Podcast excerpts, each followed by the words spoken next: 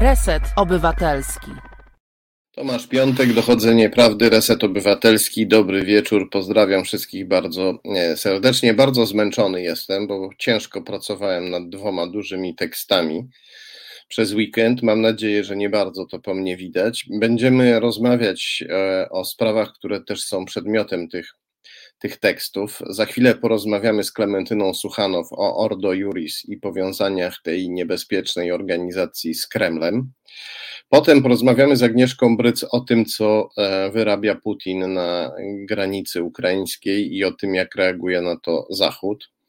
Potem jeszcze porozmawiamy o aferze Pegasusa i o firmie Matic, która kupiła Pegasusa dla PiS, o związkach e, tej firmy e, z Rosją, a nawet z rosyjską służbą specjalną FSB, która jest ukochanym dzieckiem Putina. Jest też i takie powiązanie pośrednie, ale niepokojące, bo dotyczące świata producentów i oferentów, e, sprzedawców i dostawców oprogramowań szpiegowskich, niestety, właśnie, czyli tego, czego się w przypadku Pegasusa najbardziej boimy. No i na koniec e, porozmawiamy jeszcze dzisiaj o e, pewnej Tatianie, która została Teresą, ministrą finansów Rzeczypospolitej Polskiej i bezprawnie uzyskała dostęp do, prawo dostępu do tajemnic NATO. E, o tym wszystkim później, a teraz zaczynamy, teraz spotykamy się już z Klementyną e, Suchanow, którą bardzo gorąco witam w naszym e, programie. Dobry wieczór. Dobry wieczór. Klementyno, jak rozumiem, masz coś do obwieszczenia.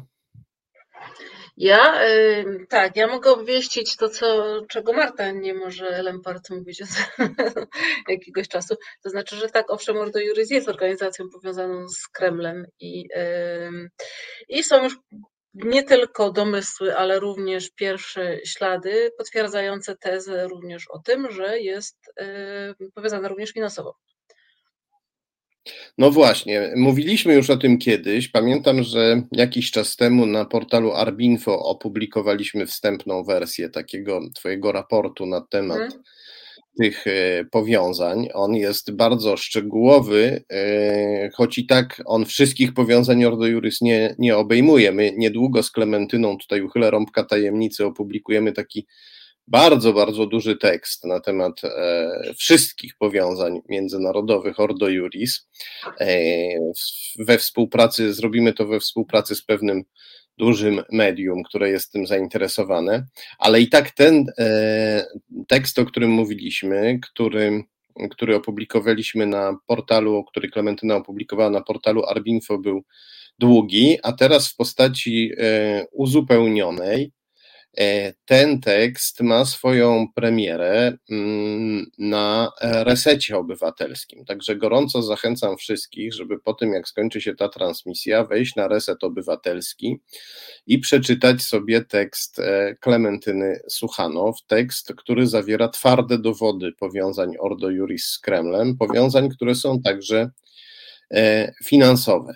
Czy możesz nam na ile to się oczywiście da, tak bo to, to, jest, to, są, to są powiązania bardzo liczne, no ale spróbujmy się tak może w, w 20 minutach zmieścić, żeby opowiedzieć o najważniejszych, e, najważniejszych z nich, no bo nie będziemy tutaj znowu opowiadać całego tekstu, chcemy zachęcić wszystkich, żeby przeczytali ten e, artykuł, długi, ale dający e, wreszcie taki bardzo konkretny obraz rosyjskich powiązań Ordo Juris.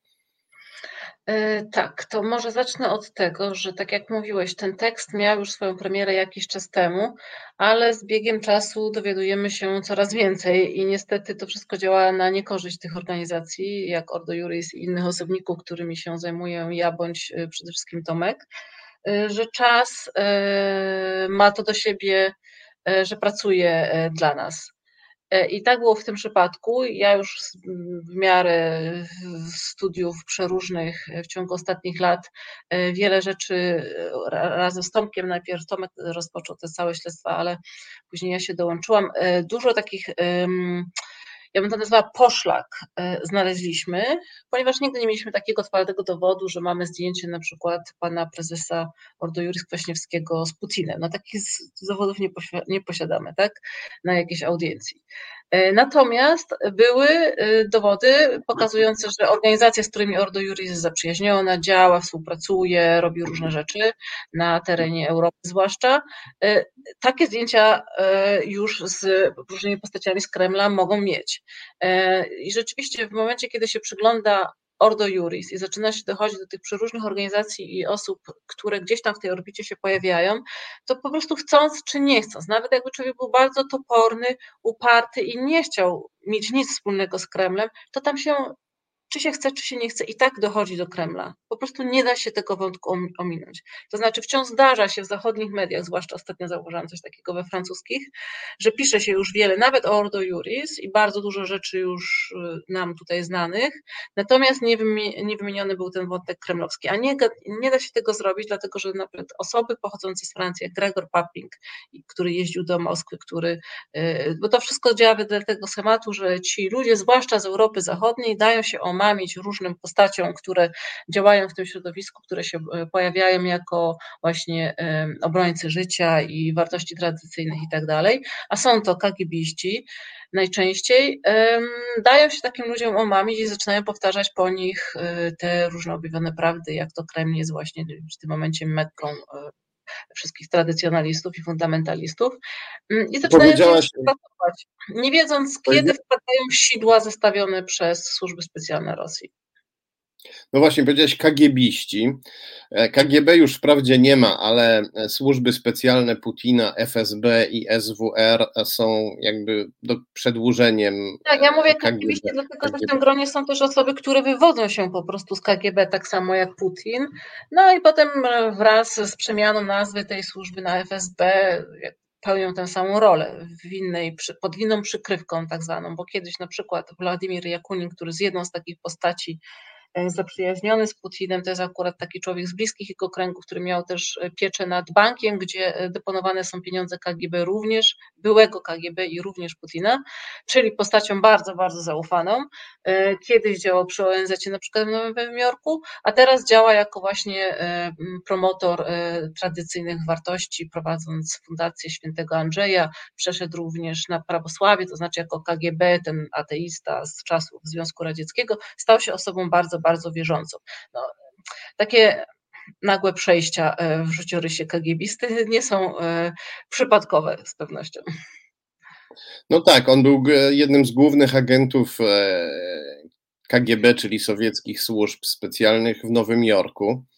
Potem wrócił do Rosji, po upadku komunizmu nawrócił się na prawosławie zaczął być obrońcą życia tradycyjnych wartości, jest przyjacielem Putina i co on ma wspólnego z Ordo Juris? Władimir Jakuni, tak naprawdę ta historia powinna być tak opowiadana, był e, pierwszym z ludzi, którzy zaczęli podchodzić do tych środowisk. E, głównym środowiskiem, które interesowało wtedy Moskwę, Kreml, e, to był kongres, Światowy Kongres Rodzin, World Congress of Families. On działał już od połowy lat 90., zresztą zawiązany był również we współpracy z Rosjaninem, rosyjskim socjologiem w Moskwie, pewien profesor amerykański przyjechał tam z wizytą i tak się z, tego, z tej wizyty urodził taki pomysł pomysł. E, była to z pewnością jakaś po prostu e, akcja no, werbunkowa. E, ta osoba, amerykański profesor, nazywa się Alan Carson, jest człowiekiem, bo udało mi się kiedyś z nim rozmawiać, niezwykle takiego dobrego serca, ale też niezwykle naiwnym. I, I takich ludzi werbowano do prowadzenia pewnych misji. Czy oni o tym wiedzieli, czy nie wiedzieli, może byli wykorzystywani, nie wiemy. W każdym razie ta organizacja już u swojego zarania miała ten rosyjski ślad. Natomiast od pewnego momentu, a zwłaszcza zwłaszcza, zwłaszcza kiedy zaczyna się dziać Ukraina, ten kanał takich tradycyjnych organizacji, e, zwłaszcza amerykańskich, które były bardzo aktywne i również bogate i wpływowe, e, jest wykorzystywany przez e, ludzi Kremla w ten sam sposób, w jaki wykorzystywane są kanały takie faszystowskie, nacjonalistyczne w stylu Marie Le Pen czy AfD. E, więc to są takie dwa kanały, poprzez które y, Rosjanie wchodzą ze swoją agendą geopolityczną i w ten miękki sposób starają się, miękki mówię tutaj tak trochę w cudzysłowie, czyli bez broni, mm, nie przychodzą tutaj z armatami, ani z czołgami, ani z żadnymi samolotami, ale w ten właśnie miękki sposób, taki poprzez wartości tak zwane, starają się gdzieś tam zawładnąć jakimiś umysłami na interesujących ich terenach, czyli w Stanach i w Europie głównie. E, I w Europie mm, to od początku, kiedy ci, mm, te wszystkie organizacje współpracujące właśnie z Ordo Juris, których Ordo Juris jest częścią od pewnego momentu, jak na przykład Agenda Europe, pracują nad tym, żeby zmieniać prawo europejskie i od samego początku w tym gronie, pomimo tego, że dotyczy to prawa europejskiego, był Rosjanin, właśnie kolejny tutaj przedstawiciel służb tym momencie już FSB, bo jest z młodszego pokolenia, aczkolwiek ojciec jego służył w KGB, czyli Aleksiej Komow. Więc mamy. Zaraz przejdziemy do Komowa. Chciałem tylko, żebyś powiedziała szybko, w jaki sposób, w jaki sposób e, e, Jakunin jest e, powiązany z, z Ordo Juris przez e, więc, Światowy Kongres. Więc zaczęłam o tym, że trzeba tą historię odpowiedzieć od, od, od, tego właśnie momentu. To znaczy, Jakunin się pojawia w tym środowisku World Congress of Families, e, zaczyna zapraszać na konferencję w Moskwie, zaczyna zapraszać takiego menadżera e, tego kongresu, Larego Jacobsa na przykład. Później bardzo szybko kolejny kongres organizowany jest w Moskwie. Larry Jacob zaczyna dostawać pieniądze pochodzące prosto z, z Rosji, z fundacji akurat w tym przypadku pana Małofiejewa, który jest drugim z takich oligarchów, e, ale młodszym i mniej ustosunkowanym niż Władimir Jakunin, ale za to bardzo ekspansywnym od momentu, zwłaszcza Ukrainy, bo również na Ukrainę na przykład dostarczał broń i swoich ludzi, przy, na przykład przy zajmowaniu Krymu, broń do Donbasu, a, a ludzi na Krym. E, I poprzez tą fundację Larry Jacobs, menadżer tego kongresu, zaczyna dostawać e, pieniądze, stałe pieniądze. To było w 2013 Podsumujmy, czyli dwóch niebezpiecznych oligarchów Kremla, Jakunin i Małofiejew, finansują Światowy Kongres Rodzin. A co ze Światowym Kongresem nie, nie, Rodzin nie, ma wspólnego? Nie tyle finansują, co wchodzą do zarządu, Komow dostaje się do zarządu e, kongresu i jest wpisany w rejestrach podatkowych w Stanach są papiery, zresztą w tym tekście, o którym mówiliśmy, tam są wszystkie linki oraz e, skany z tych e, dokumentów podatkowych, więc jest finansowanie, jest tworzenie siatki kontaktów oraz człowiek Kremla wchodzi do zarządu tych organizacji, wszedł do zarządu kongresu oraz później do hiszpańskiej organizacji, z którą również Ordo Juris bardzo współpracuje i od której no właśnie, no jak w tym tekście, dostawało również pieniądze. No dobrze, czyli jakby oligarchowie e, finansują Światowy Kongres Rodzin i jeszcze przez pana Komowa go mogą kontrolować. A co ze tak. Światowym Kongresem Rodzin ma wspólnego Ordo Juris?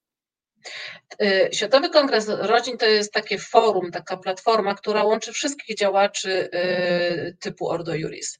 Ordo Juris wydaje się być ostrożne i nie bardzo się lubi pokazywać przy tych y, okazjach, gdzie bezpośrednio jest mowa o kongresie, Światowym Kongresie Rodzin. Natomiast jest cały czas sieciowana ze wszystkimi organizacjami, które e, w ten kongres wchodzą, łącznie ze swoimi założycielami, którzy od początku, bo to nie jest tylko kwestia kongresu w Moskwie, w którym fundacja, która ich założyła, czyli Piotra Skargi z Krakowa, brała udział.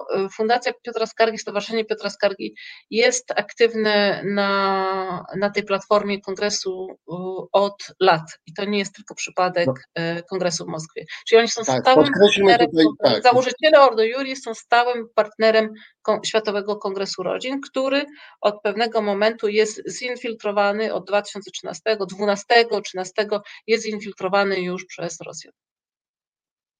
Tak, czyli pod, podkreślmy, założyciele Ordo Juris, czyli Fundacja Instytut imienia Piotra Skargi, to, w której zasiadają ci sami ludzie, którzy są też, zasiadali w niej ci sami ludzie, którzy byli też w Ordo Juris i do 2019 roku Fundacja Instytut tak Piotra Skargi decydowała o tym, co się dzieje w Ordo Juris, obsadzała stanowiska, to było nawet w statucie organizacji napisane, tak. że Fundacja Piotra Skargi rządzi w Ordo Juris.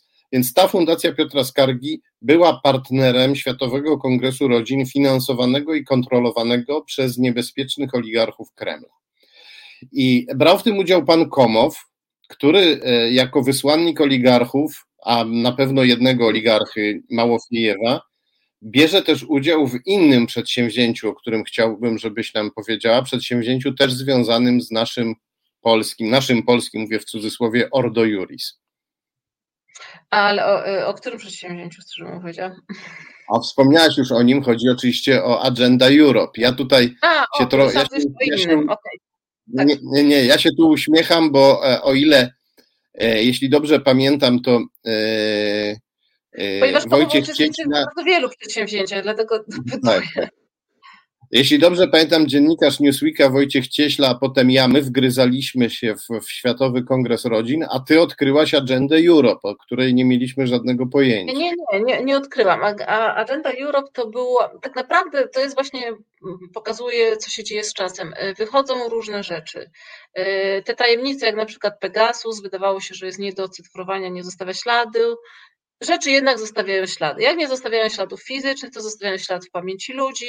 E, ktoś kiedyś był wiernym, tam lojalnym pracownikiem czegoś, ale coś się stało, że przestał być i tak dalej, i tak dalej. Albo czasami ktoś po prostu komuś się wymsknie, jak na, przykład panu Suskiemu.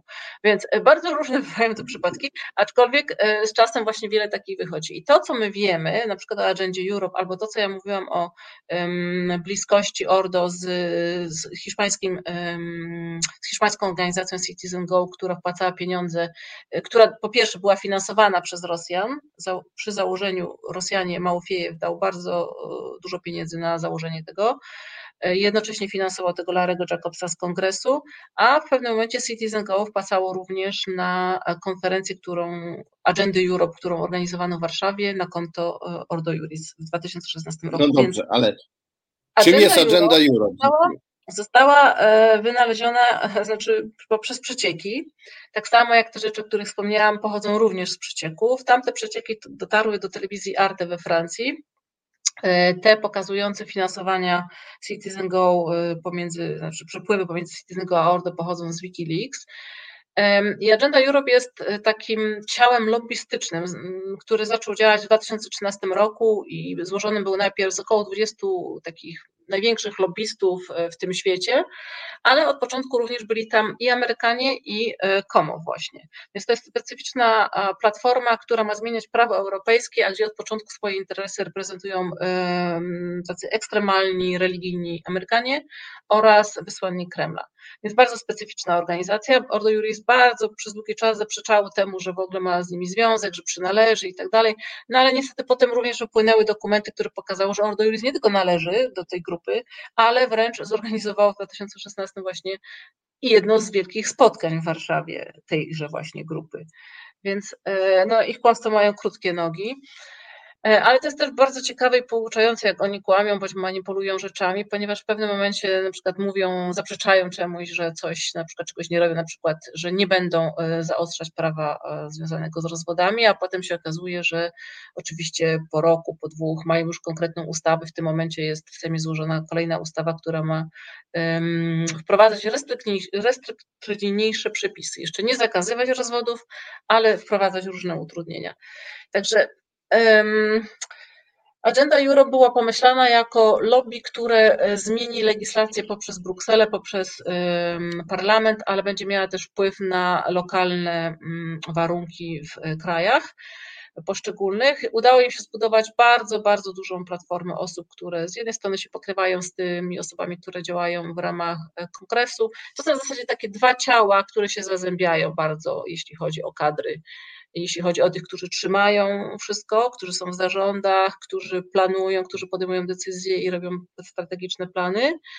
I e, te pomniejsze różne organizacje narodowe, które wchodzą w skład tego i potem wykonują różne drobne rzeczy, które są zleceniami, można tak powiedzieć, pochodzącymi z góry. No i oni mają bardzo różne pomysły. Ordo Juris od początku realizuje te pomysły. Te, te, pomysły są bardzo prosto wypisane w takim manifestie bardzo długim e, tej grupy, e, gdzie na liście są przede wszystkim wycofanie oczywiście dostępu do aborcji, wycofanie nawet antykoncepcji, uderzanie w prawa osób LGBT, jest tam również mowa o zakazaniu e, rozwodów, jest także mowa o eutanazji, to jeszcze nie jest i o surogatkach, to jeszcze nie jest temat, który bardzo mocno w Polsce istnieje, ale z pewnością do nas dojdzie. E, jak sądzisz, albo jak wiesz, no bo właściwie już po, po tych wszystkich dochodzeniach to e, mamy na ten temat pewną wiedzę. Dlaczego, po co to jest Putinowi? Po co Putin sponsoruje e, religijnych fundamentalistów w Europie i w Polsce?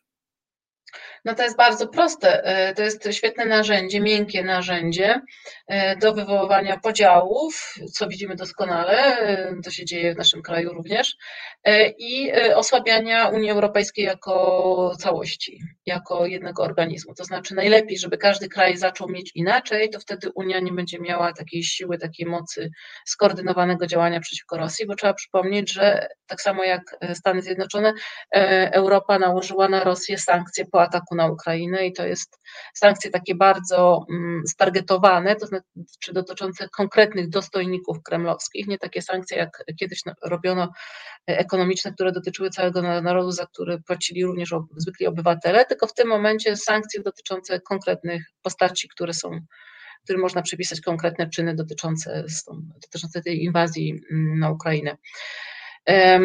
No więc jest to y, doskonałe narzędzie uzupełniające się z innymi narzędziami dyplomatycznymi, bądź militarnymi, albo na przykład związanymi z polityką gazu i innych środków, które Kreml ma do dyspozycji jeszcze.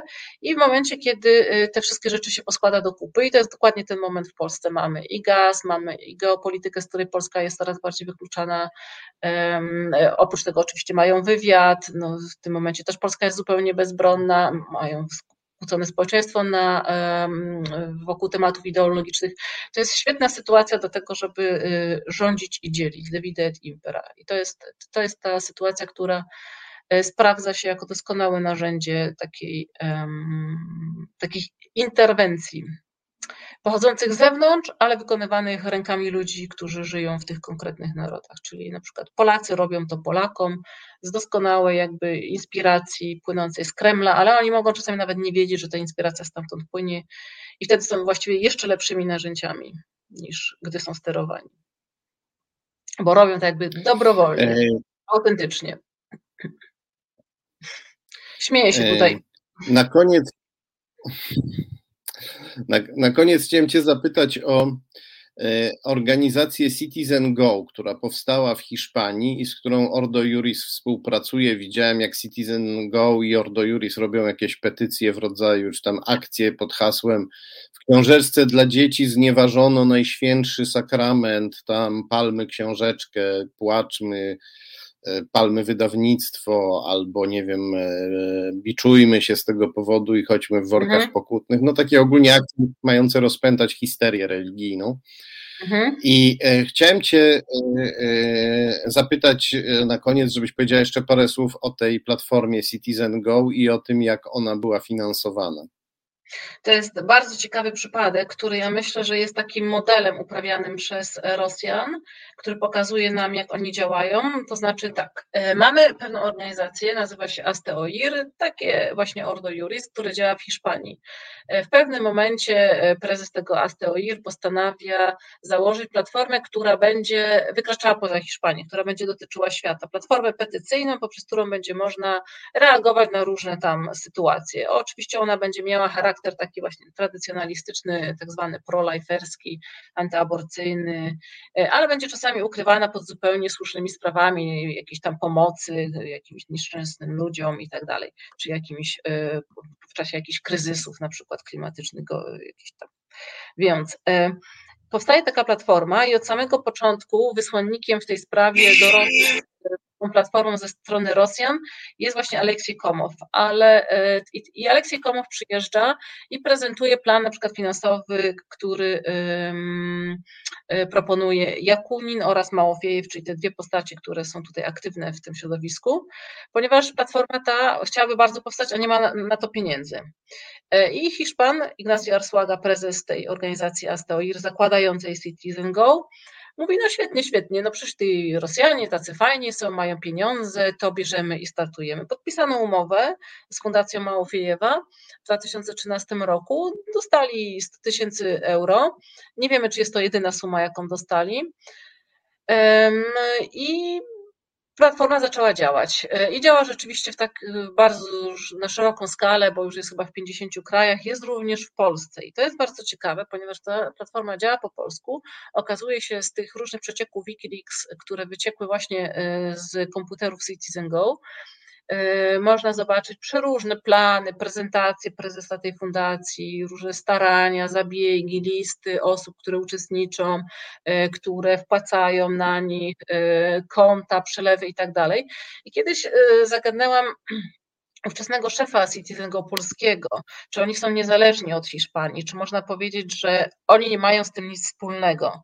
On powiedział, że jak najbardziej tutaj mogą swoje różne inicjatywy i tak dalej, ale finansowo nie są niezależni. Finansowo, jak wiemy właśnie z tych przelewów, które teraz mamy y, dzięki Wikileaks, mm, a ukazały się one najpierw y, wyciekły w Hiszpanii, a później zostały przez Wikileaks właśnie prze, przejęte ponownie i opublikowane y, w sierpniu zeszłego roku, widzimy, że E, każdy przelew, każda wypłata, nawet ciastko, czekoladka, e, bilet, e, cokolwiek kupione przez polskie Citizen Go jest płacone z Hiszpanii. Także na przykład pani Magdalena Kaliszuk-Korzekwa, która była przez długi czas szefową i taką ulubienicą tego, tego Citizen Go, działającą w Polsce, która się pojawia często w mediach, jest dobrze wyglądającą blondynką, więc właśnie jest taką korzystną postacią, bo dobry, służy jako taki dobry koń trojański w momencie na przykład rozmów o aborcji, bo jako kobieta się tutaj wypowiada, że ona jak najbardziej jest za tym, żeby karać za aborcję na przykład.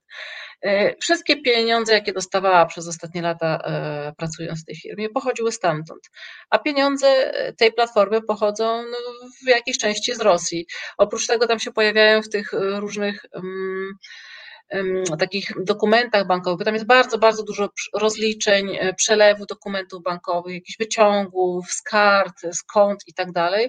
Tam się pojawiają również tak zwani darczyńcy rosyjscy, ukrywają się pod taką nazwą, albo w momencie, kiedy się pojawiają bardzo, bardzo duże sumy, przekraczające jakby jakąkolwiek kwotę, którą wpłacają prawdopodobnie tacy rzeczywiście autentyczni, zwykli obywatele, to wtedy y, nie ma ani nazwiska, ani osoby i ważnie są to transfery przez niebankowe, tylko przez jakieś e, parakonta i tak dalej, parabanki.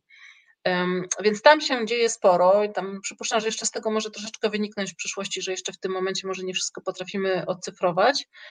No ale jest to specyficzna organizacja, która wiemy już w tym momencie, że od początku jest finansowana przez y, Rosjan, co więcej jest infiltrowana przez nich, ponieważ w zarządzie w tej umowie zawartej z Rosjanami zapisano, że muszą mieć tam swojego reprezentanta i jest nim również Aleksiej Komow.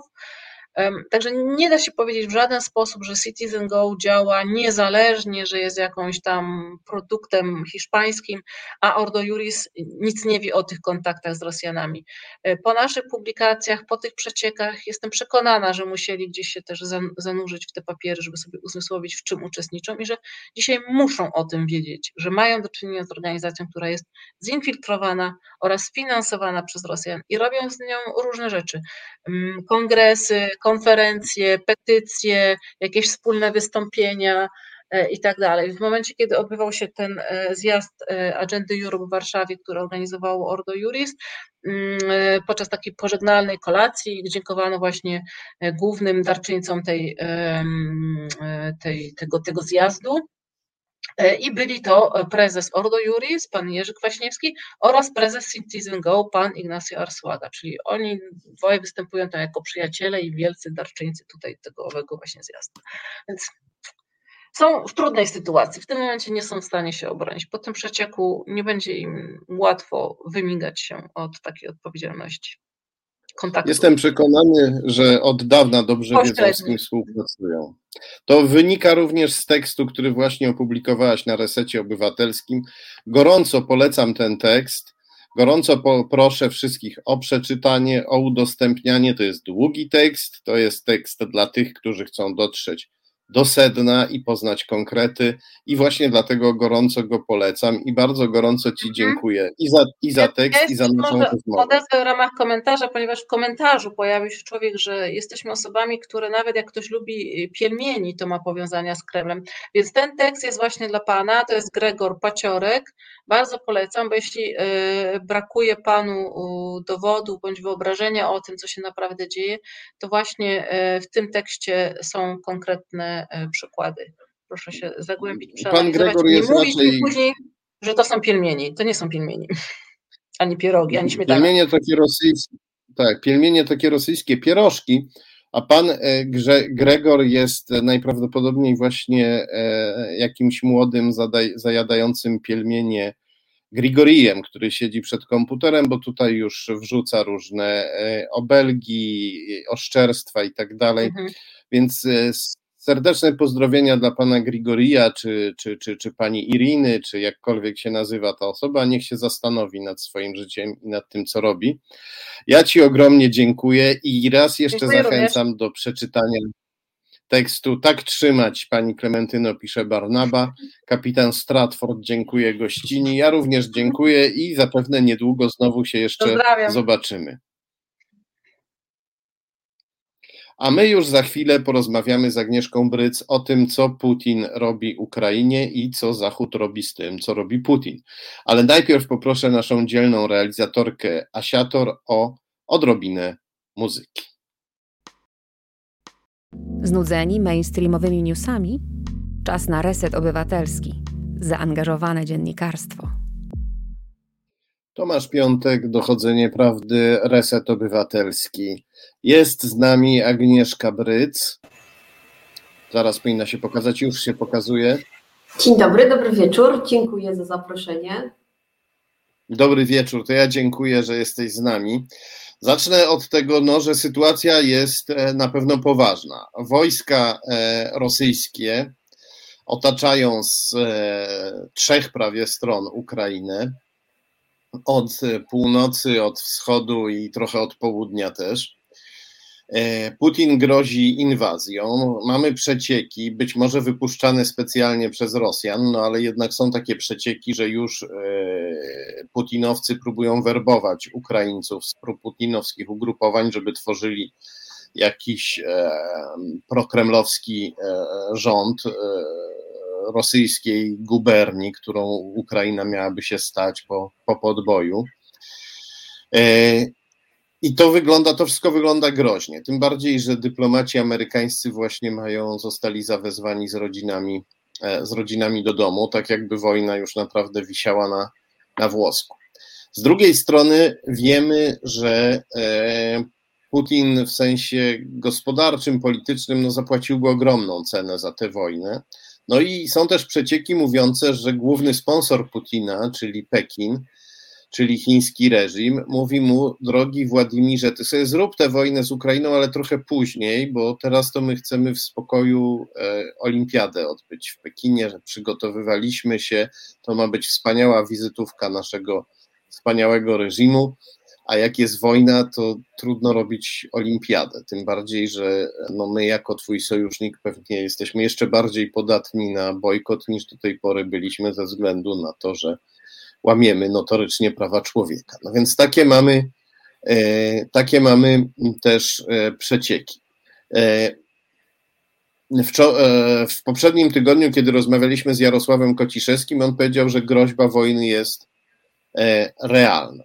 Chciałem Cię zapytać, jak Ty sądzisz, na ile ta groźba jest realna i jak oceniać to, co w tej chwili robi Zachód, który jest krytykowany za to, że no, nie występuje solidarnie przeciwko Putinowi, że e, się gubi nie potrafi dać mocnej odpowiedzi albo daje kilka sprzecznych odpowiedzi naraz. To są dwa podstawowe pytania do Ciebie. Och, dużo by opowiadać. Ale zacznę od tego, ja jestem nieco bardziej, nie chcę powiedzieć spokojniejsza, ale patrzę bardziej na chłodno na to, co się dzieje e, wokół Ukrainy i e, jak to się ma do perspektywy wojny. Mm, ale jednocześnie muszę zastrzec, że jeżeli chodzi o działania Rosji w przestrzeni byłego Związku Radzieckiego, mm, to opcja militarna jest zawsze na stole. Czyli nawet jeżeli dzisiaj, ja będę za moment starała się przekonać, że mm, ten obraz, który jest kreowany, jest znacznie bardziej grą nerwów niż faktycznym y, gotowaniem się do inwazji na Ukrainę,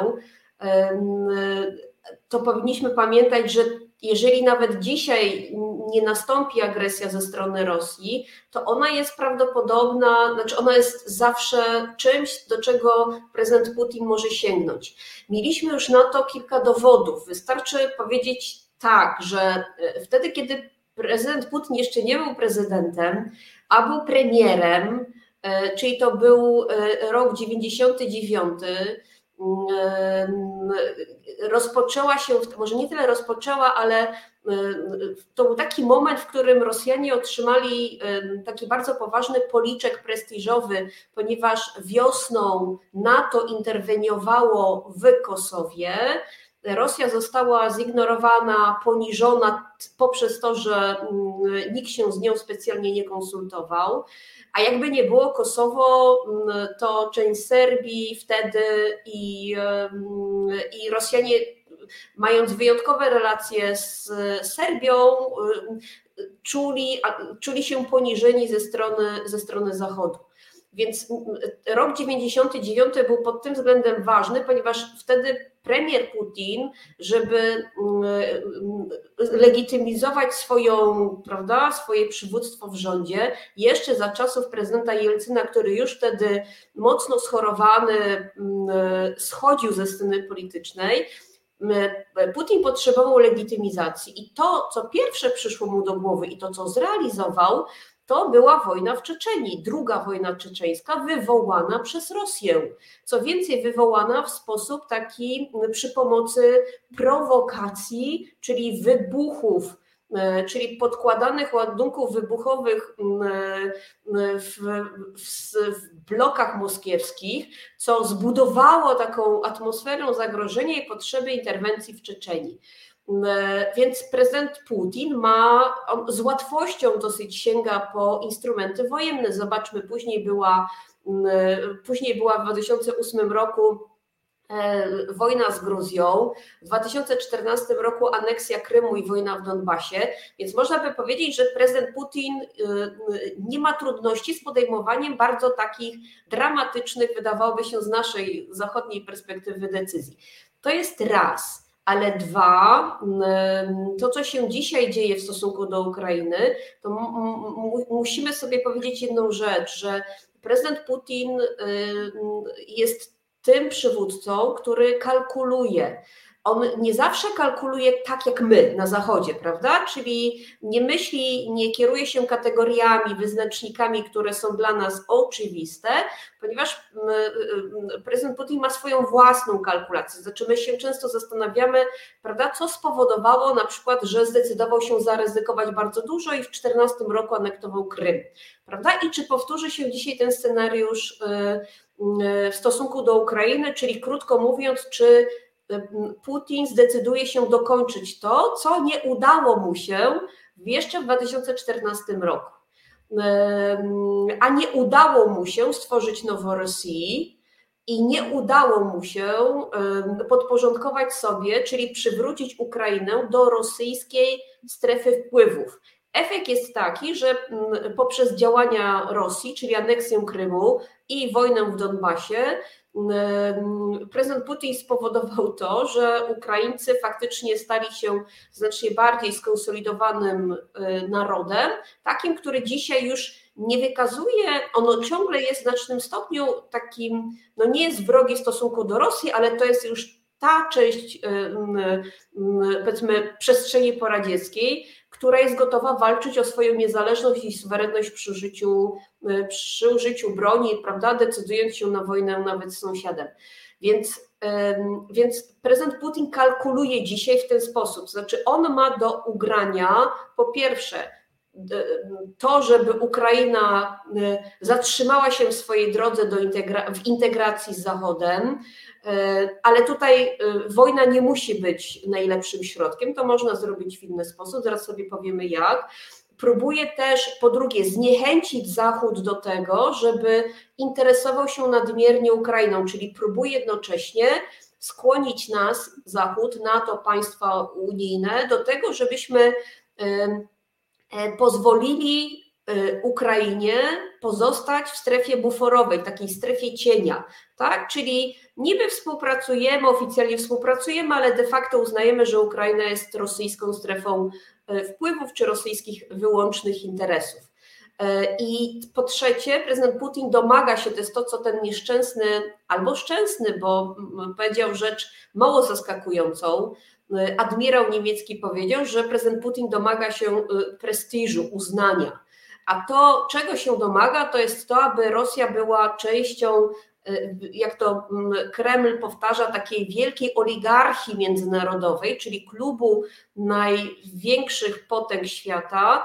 A ponieważ fakty są takie, że realnie Rosja nie jest mocarstwem globalnym, ona ma awanturniczą politykę, ale po 2007 roku, czyli po y, takiej słynnej konferencji w Monachium, gdzie prezydent Putin uderzył pięścią w stół, powiedział koniec polityki miłości z Zachodem, dobijamy się swoich interesów poprzez, mm, poprzez y, y, rzucanie wyzwania Zachodowi. Putin wie, że mm, jakby metodą na zwracanie na siebie uwagi jest kreowanie problemów. Tak? My to nazywamy, ja już to nieraz mówiłam w rozmowie z Tobą, zarządzaniem niestabilnością, czyli tworzy problem, a potem staje się, a potem oferuje pomoc w rozwiązaniu tego problemu. No to jest taka klasyczna metoda gangstera, prawda, że, który wybija szyby, a potem przychodzi i mówi zapłać mi, to nie będą ci wybijać szyb. Ja tutaj wspomnę e, admirał niemiecki, bo może nie wszyscy wiedzą, admirał niemiecki w sytuacji takiej półprywatnej, towarzyskiej powiedział chyba na jakimś przyjęciu, jeśli dobrze pamiętam, że Putin właśnie chce dla siebie tylko trochę szacunku. E, I to e, o to w tym chodzi. No on przeprosił za te słowa i został zdymisjonowany, co dowodzi, że w Niemczech też już się inaczej podchodzi do Rosji niż kiedyś, bo to jest pytanie, czy, czy, czy na przykład 6 lat temu takiego admirała by zdymisjonowano za takie stwierdzenie. Mhm. No więc właśnie, więc refleksja jest i to naprawdę trzeba docenić zmianę e, e, tego, jak zaczyna się myśleć e, w Berlinie, ale my o tym także mówiliśmy. Ale wracając do kalkulacji prezydenta Putina w stosunku do tego, czy najeżdżać, czy nie najeżdżać Ukrainę. Więc prezydent Putin ma przede wszystkim trzy ryzyka, które mogą go powstrzymywać przed tym scenariuszem największym, czyli przed otwartą inwazją na prawda, przynajmniej wschodnią część Ukrainy, czyli mm, zajęciem e, przede wszystkim Donbasu, ale takim rosyjskim zajęciem Donbasu, prawda, czyli od, przez otwarte mm, lądowe i nie tylko siły rosyjskie. Ja nie mówię o separatystach, bo to jest inny scenariusz. E, czy nawet pójście dalej, stworzenie Noworosji. I e, prezydent Putin no tutaj, ma trzy... tak? Dodajmy, że Noworosja to miałoby być państewko rosyjskie utworzone na terenach wschodniej Ukrainy, zagarnięte przez, zagarniętej przez Putina. Tak, i nie bez powodu od długiego czasu prezydent Putin w różnych swoich wystąpieniach, a także jego ludzie, Ławrow, Pieskow, historycy, prawda, publicyści, mówią o tym, że to są historyczne ziemie rosyjskie, prawda? Czyli budują taką narrację, że nam się należy, znaczy, że to jest, to są ziemie historyczne rosyjskie i trzeba będzie mm, prędzej czy później te ziemie przywrócić macierzy, tak? Czyli buduje się taką potrzebę i y, y, społeczne przyzwolenie na takie militarne działania. Ale ciągle są trzy ryzyka, które kalkuluje Putin. Po pierwsze, w 2014 roku, i to już ja nic nowego nie powiem, ale jakby warto je zebrać, e, kiedy, kiedy rozpoczynała, kiedy, kiedy Rosjanie anektowali Krym, kiedy zielone ludziki pojawiły się w Donbasie, no to była to zupełnie inna Ukraina, znaczy inna armia ukraińska. Dzisiaj ona jest naprawdę doposażona, dozbrojona, ale jakby czynnik ilościowy to jest nic. Znaczy, przepraszam, że nic. Znaczy, on ma znaczenie, ale znacznie poważniejsze znaczenie odstraszające każdego agresora ma to, jak skonsolidowana jest społeczność i naród danego państwa, tak? Czy ma ten czynnik oporu silny, czy na przykład inwazja nie wiązałaby się z ogromnym ryzykiem, że wjeżdżając do Ukrainy, E, Rosjanie natychmiast zderzyliby się, prawda, z ruchem partyzanckim, z oporem, z walkami w mieście, prawda? Czyli ile kosztuje taka okupacja terenów sobie wrogich? E, więc to jest to, co prawda, odstrasza Rosję przed agresją w stosunku do państw, które trudno byłoby później utrzymać. Więc to jest pierwsze ryzyko i jednocześnie element odstraszania. Drugie ryzyko to jest takie, że prezydent Putin musi liczyć się powiedzmy z elementem militarnym porażki. To znaczy, jeżeli mamy przywódcę, który do tych godzi, albo inaczej, in, inicjuje wojny, jak Gruzja, jak Krym, jak Czeczenia wcześniej, które dają duże prawdopodobieństwo zwycięstwa, to prezydent Putin e, nie będzie skłonny angażować się w bardzo ryzykowną operację, która uwikłałaby Rosję militarnie na, prawda, jakby w tej perspektywie długofalowej, co więcej, groziłaby czymś, czym, o czym Rosjanie nie chcą już teraz pamiętać i to w zasadzie wypierają jak tylko mogą, czyli syndrom afgański, prawda? Czyli wieloletnia, długotrwała, tru, trudna okupacja, e, zresztą zakończona klęską e, polityczno-militarną. Więc to też jest problem. Znaczy, to wszystko waży sobie prezydent Putin z jego doradcami. No i trzeci element ryzyka. Zobaczmy, My tak bardzo krytykujemy Zachód, że prawda, nie jesteśmy zwarci, jednolici ale jakby nie ma stanów idealnych. Jeżeli popatrzymy tak na bardzo chłodno, no to zobaczymy, że mm, e, e, reakcja Zachodu jest kompletnie inna niż ta, z którą prezydent Putin miał do czynienia i dzięki czemu pozwolił sobie na takie zakładał, że ona nie będzie z, ani zwarta, ani bardzo konkretna w 2008 roku, e, angażując się w wojnę w, e, z Gruzją, ani w 2014 roku, bojąc się tego, że Zachód z, w końcu zareaguje i nie pozwoli na aneksję Krymu. Stało się inaczej, bo my jako Zachód przyglądaliśmy się temu, co się dzieje, z takim, prawda, tacy mm, zadziwieni, że zielone rydziki w zasadzie nie, nie, nie, nie identyfikują swojej mm, narodowości. My w części wschodniej Europy wiedzieliśmy, z środkowej i wschodniej Europy wiedzieliśmy, jak to czytać, natomiast Zachód był trochę taki ciągle naiwny i patrzył przez mgłę. Natomiast dzisiaj ta reakcja jest inna. Zobaczmy, y, konfrontacja, prawda, ostrzeżenia jednej i drugiej strony pokazują, że nawet prezydent Biden, który bardzo tak y, swawolnie jest przez część konserwatywną polskiej, czy w ogóle zachodniej sceny politycznej oskarżano o to, że sobie nie radzi.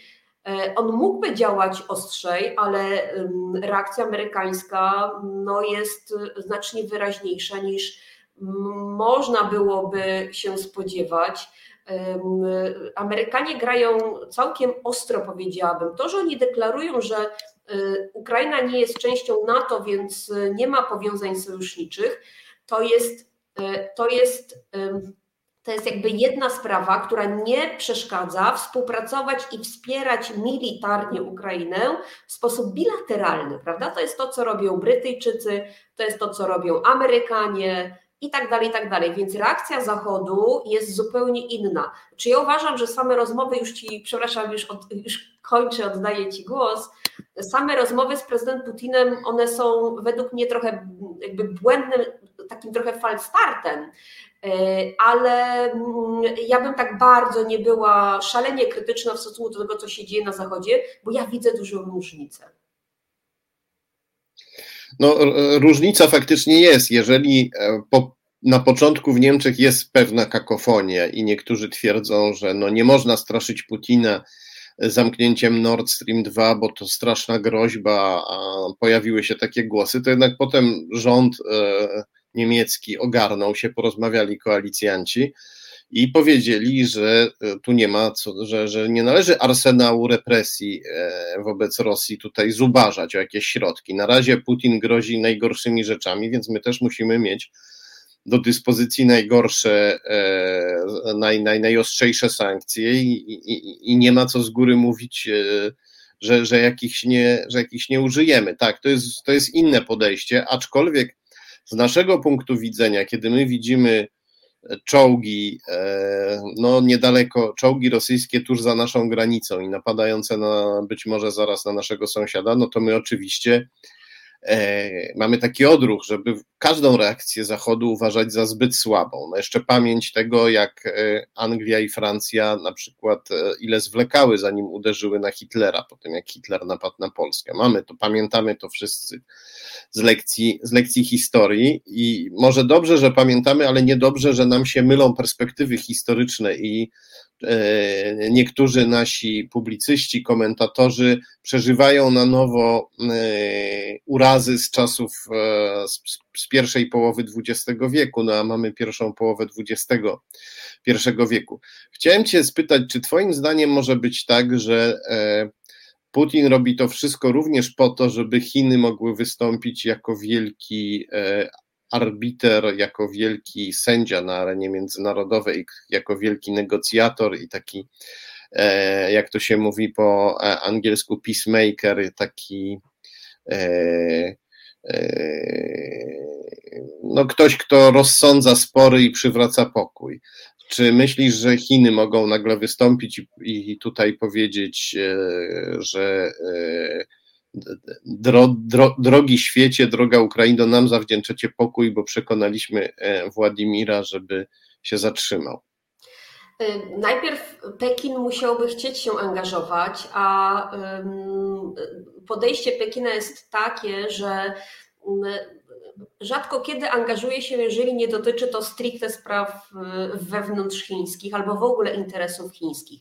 Więc to, jaki interes miałby, miałyby mieć Chiny w stosunku do Ukrainy, no to przede wszystkim to jest, znaczy Chiny się przyglądają. Ja bym raczej obstawiała scenariusz taki, że pozostaną e, w takiej pozycji obserwatora i będą wyciągać wnioski, tak? Jak, e, jak Rosjanie próbują porządkować zbuntowaną, jakby nie było republikę, która zerwała się z tej, wyrwała się z rosyjskiej strefy wpływów, ale jednocześnie przygląda się bardzo uważnie, jak reaguje Zachód, ponieważ to mogą, znaczy te wnioski z dzisiejszej sytuacji wokół Ukrainy mogą posłużyć decyzjom, które będzie podejmował Pekin, e, ale na przykład w swojej strefie najbliższej, prawda? Czyli w stosunku do e, działań e, wobec Tajwanu, w stosunku do tego, co się dzieje w ogóle w Azji Południowo-Wschodniej, więc Chiny będą się przyglądać i nawet już dzisiaj widać po tych takich sensacyjnych doniesieniach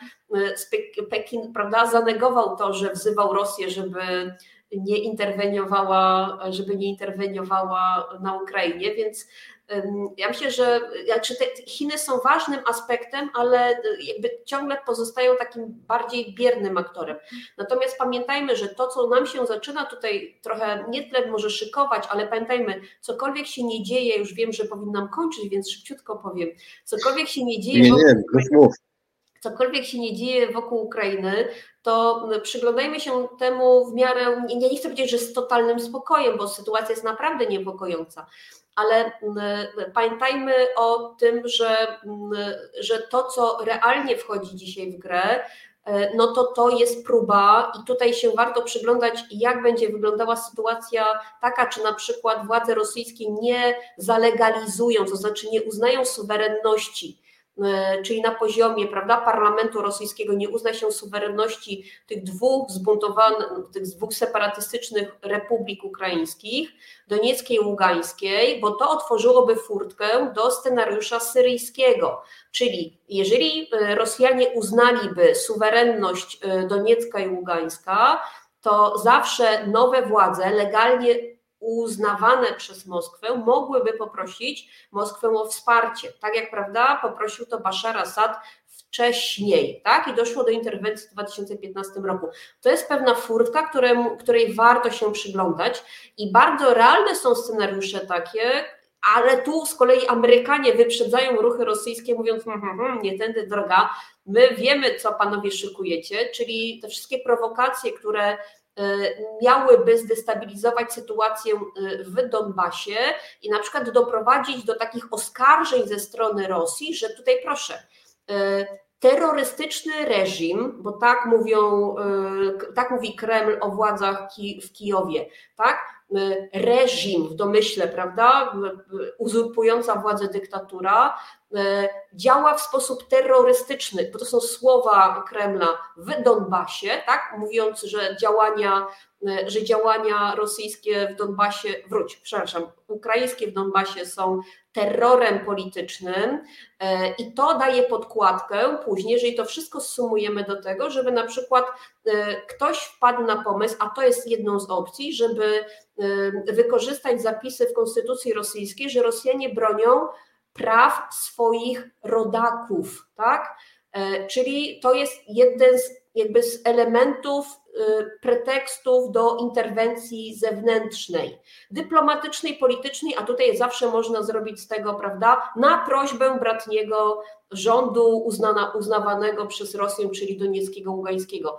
Przyglądajmy się raczej temu scenariuszowi różnych prowokacji, tego jak Rosjanie będą próbowali poniżej tej oficjalnej, otwartej otwartego takiego progu agresji, to prowadzić do jakiegoś game changera w tamtym regionie, bo pamiętajmy, prezydent Putin potrzebuje sukcesu, co więcej, prezydent Biden potrzebuje jeszcze bardziej sukcesu. I tylko pytanie jest takie, y, czy nie skończy się tym, że mm, jednak będziemy mieli z tej, tego wielkiego teatru wojennego, który dzisiaj prawda, ma, wygląda jak wojna nerwów, nie będziemy mieli długotrwałych rozmów, negocjacji, rokowań, bo ten tydzień będzie ważny, ponieważ Amerykanie zobowiązali się, że w tym tygodniu opublikują na piśmie odpowiedź na żądania rosyjskie, prawda, te żądania gwarancji. I teraz dopiero się zaczną rokowania, negocjacje, bo najprawdopodobniej Amerykanie odrzucą, znaczy oni już zapowiedzieli, że odrzucą żądania rosyjskie, ale będą musieli dać pewien punkt zaczepienia do rozmów, prawda? Czyli pokazać, że są otwarci na rozmowy w, sprawie, w sprawach ważnych związanych z bezpieczeństwem międzynarodowym. Więc ten tydzień będzie dla nas bardzo ważny, ponieważ on nam ustawi cały cykl i cały teatr wokół Ukrainy, Rosji, e, Stanów, w ogóle bezpieczeństwa międzynarodowego na najbliższe miesiące. No więc e, za tydzień znowu możemy się spotkać w poniedziałek i powiesz nam, co się wydarzyło, jeżeli będziesz oczywiście mogła, jeżeli będziesz miała czas. Ja cię, ja cię bardzo serdecznie zapraszam i dziękuję za tę rozmowę. E, do zobaczenia za tydzień, mam nadzieję. E, za tydzień już prawdopodobnie będziemy wiedzieć więcej, czego chce Putin, czy chce po prostu e, zagarnąć definitywnie dla Rosji te separatystyczne pseudorepubliki, czy chce także utorować sobie drogę lądową na Krym, no bo tam e, na razie jest problem z dostawami. Mm, Krym jest, stał się właściwie prawie że wyspą po tym, jak został oderwany od Ukrainy i sytuacja transportowo-dostawcza jest tam bardzo kiepska. No a być może niestety Putin będzie chciał czegoś, czegoś więcej. No i zobaczymy, jak przez ten tydzień się zmobilizuje Zachód, który tradycyjnie jest nastawiony pokojowo i e, jakby to powiedzieć, nie zawsze jest bardzo e, solidarny i umie się zmobilizować, no ale kiedy się mobilizuje, to już się mobilizuje, więc w tym tygodniu się dowiemy, czy się zmobilizował. I o tym za tydzień porozmawiamy. A za chwilę porozmawiamy o aferze Pegasusa i o spółce Matic, która kupiła Pegasusa po to, żeby e, dostęp, która kupiła dostęp do systemu Pegasus po to, aby ten dostęp przekazać służbom specjalnym PiS, właściwie policji politycznej PiS, jaką stało się Centralne Biuro Antykorupcyjne. Powiemy o tym, co łączy spółkę Matic e, z Moskwą i dlaczego zachodzi obawa, że Rosjanie i Chińczycy mogliby e, znać e, treść rozmów i danych wyłapanych przez pisowski Pegasus, przez szpiegowski system Pegasus E, używany przez PiS. O tym za chwilę, ale najpierw poprosimy naszą dzielną realizatorkę Asiator o chwilę muzyki. Trzy grosze. Spadło, wzrosło, a może to bez znaczenia. Informacji ważnych dla naszego portfela napływa zewsząd wiele, ale co właściwie znaczą? O gospodarce na spokojnie i przystępnie, ale bez trywializowania. Tomasz Kasprowicz wraz z gośćmi chce dodać swoje trzy grosze do debaty o tym, co w ekonomii piszczy każdy czwartek o 18 w Resecie Obywatelskim. Tomasz Piątek, Reset Obywatelski, Dochodzenie Prawdy. Dziękuję wszystkim, którzy się właśnie teraz przyłączyli. Dziękuję wszystkim, którzy oglądają, słuchają, lajkują, komentują, udostępniają link do tej transmisji. No i polecam raz jeszcze serdecznie artykuł Klementyny Suchanow na portalu Reset Obywatelski. Poproszę naszą realizatorkę Asiator, żeby nam wrzuciła teraz na ekran adres e, internetowy, e, link do tego do tego artykułu resetobywatelski.pl łamane przez Ordo Juris i Kreml dowody przedstawia Klementyna Suchanow. Polecam, długa lektura, ale ilustrowana, ilustrowana dowodami, skanami, fragmentami listów, dokumentów. Czarno na białym widać, jak bardzo Ordo Juris, które próbuje niszczyć nasze prawo i nasze życie w Polsce, jak bardzo Ordo Juris jest związane e, z Kremlem, na jak wiele sposobów jest powiązane z Moskwy. E, serdecznie dziękuję też wszystkim, którzy nas e, wspierają, e, nie tylko internetowo, za to też dziękuję oczywiście.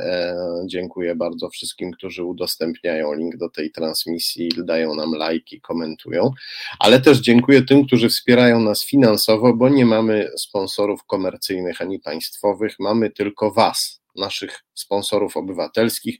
Możecie nas wspierać na e, portalu zrzutka.pl. Możecie nas wspierać poprzez bezpośrednie wpłaty na konto Fundacji Arbitror i e, możecie nas wspierać także w serwisie Patronite. Gorąco dziękuję każdemu, kto to zrobi. Wiem, że przy nowym ładzie o pieniądze trochę trudniej, ale naprawdę każdy grosz się liczy. Jeżeli możecie nam parę złotych przesłać, będziemy bardzo wdzięczni. No, pomagacie w ten sposób również sobie, bo nigdzie indziej takich e, rozmów nie posłuchacie. Dzięki temu, że nas wspieracie finansowo, możecie posłuchać e, takich rozmów jak w resecie obywatelskim. Rozmów, dla których niestety w mediach mainstreamowych nie ma dużo miejsca, gdzie wiedza ekspercka i twarde fakty w mediach mainstreamowych przebijają się z większym trudem niż, niż u nas. Bardzo Wam serdecznie za to e, e, dziękuję, również jako obywatel polski, bo jako obywatel polski chcę żyć w kraju, w którym nadaje reset obywatelski. Przechodzimy teraz do e, głównych tematów naszego wieczoru, czyli do firmy Matic. Od niej zaczynamy, do firmy Matic, która kupiła dostęp do systemu Pegasus, aby przekazać go służbom specjalnym PiS i dostała za to 8 milionów 400 tysięcy e, złotych. E, służby specjalne PiS, czyli Centralne Biuro Antykorupcyjne, które dostało ten system szpiegowski Pegasus, ma wielkie zaufanie do do e, firmy Matic, ponieważ nie tylko od niej kupili ten system i dali jej 8, 8 milionów 400 tysięcy złotych, ale też pozwolili, żeby firma szkoliła funkcjonariuszy CBA E, w, w obsłudze tego systemu, uczyła ich jak szpiegować tym systemem. Firma też testowała ten system. System produkcji izraelskiej, aczkolwiek być może nie tylko izraelskiej, o czym za chwilę sobie powiemy. Ważne jest to, że CBA jako policja polityczna PiS dorobiło się już przydomka nowej esbecji. Widzieliśmy, e, jak próbowano niszczyć Krzysztofa Brejzę i jego rodzinę, opozycyjnego senatora Krzysztofa Brejzę i rodzinę Brejzów. Widzieliśmy, jak szpiegowano niezależną prokurator Ewę Wrzosek. Widzieliśmy, e, jak zastraszano e, byłego szefa CBA jeszcze z czasów Platformy, Pawła Wojtunika krytycznego wobec obecnej władzy, ponieważ e, ktoś się podszył pod jego numer i niby z tego numeru zadzwonił do córki Pawła Wojtunika, mówiąc, że tata nie żyje, nie oddycha.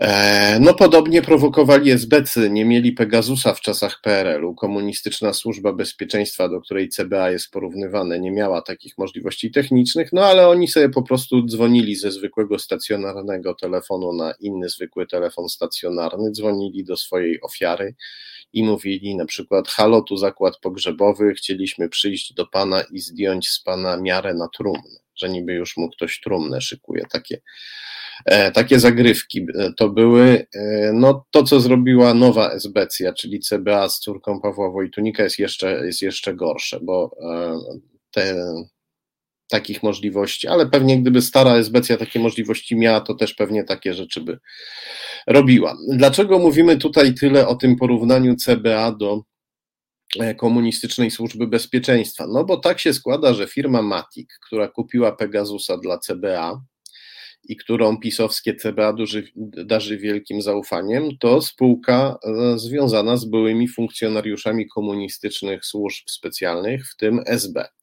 Poproszę o e, skan numer jeden, przygotowany na, e, na dzisiaj. To jest e, e, nagłówek artykułu, który opublikowaliśmy z Wojciechem Czuchnowskim niedawno w gazecie e, wyborczej. Kupili Pegasusa dla PiS i wzięli miliony. Rodzinna firma ludzi MO i SB. Spółka Matic, która kupiła dla CBA system szpiegowski Pegasus, została założona przez osoby pracujące w PRL dla milicji, to był komunistyczny odpowiednik policji, i służby bezpieczeństwa. Tropy wiodą do Moskwy i agencji wywiadu, która sprawuje nieformalny nadzór nad firmą. No, to było tydzień temu, a co przez ten tydzień się okazało? E, poproszę o kolejny e, skan. E, skan numer dwa to jest e, skan z e, serwisu rejestr.io opartego na Krajowym Rejestrze Sądowym. Czytamy tutaj, że beneficjentem rzeczywistym, czyli pośrednim właścicielem spółki Matic jest Ewa Habros-Chromińska. Do niej należy pośrednio 60% udziałów w tej spółce. Kim jest pani Ewa? Poproszę o następny skan. To jest e, skan numer 3 z archiwum cyfrowego e, Instytutu Pamięci Narodowej. E, to jest pozycja, która znajduje się w archiwum IPN. Akta personalne funkcjonariusza SB Habros Chromińska Ewa. E, to jest właśnie pani Ewa, do której należy spółka Matic. No i ten skan pokazałem już tydzień temu, a co się przez ten tydzień zmieniło? Zmieniło się to, że dostałem, uzyskałem dostęp do teczki, do akt e, osobowych e, pani Ewy Habros-Chromińskiej, właścicielki spółki Matic, akt pochodzących jeszcze z PRL, akt Komunistycznej Służby Bezpieczeństwa. Poproszę o następny skan. To są właśnie, to jest właśnie okładka tych akt. Akta osobowe, Habros e, Ewa, Habros Chromińska Ewa, córka Mariana, poniżej e, sygnatura tych akt. No i ja sobie te akta bardzo dokładnie przeczytałem. Nie będę jeszcze o nich mówił, ponieważ napisałem o nich bardzo duży e, artykuł, który mam nadzieję już niedługo się ukaże w pewnym dzienniku. Powiem tylko, że wśród różnych rzeczy, którymi pani Ewa zajmowała się w SB, wśród różnych jej specjalności przeważała jednak e, e, informatyka. Ona była jedną z pionierek informatyki w SB. Zaczynała w czasach jeszcze, kiedy komputer, każdy komputer był wielki jak stodoła, albo nawet jeszcze większy, bo nie było takiej miniaturyzacji jak dziś. I e, obserwowała, jak tworzy się od podstaw system informatyczny komunistycznej służby bezpieczeństwa. W latach 80. zaczęła pracować w tak zwanym departamencie PESEL, który e, miał, którego zadaniem było do, totalne zewidencjonowanie informatyczne ludności, po to, żeby dać totalną kontrolę nad ludnością Polski. I jedną z rzeczy, które stworzył właśnie Departament e, PESEL, e, czyli które stworzyła pani Ewa Chromińska ze swoimi kolegami, jest słynny numer PESEL, który każdy z nas ma e, w dowodzie. On oczywiście sam w sobie nie jest niczym złym. Numery identyfikacyjne w różnej postaci e, są stosowane przez różne bardzo demokratyczne e, państwa.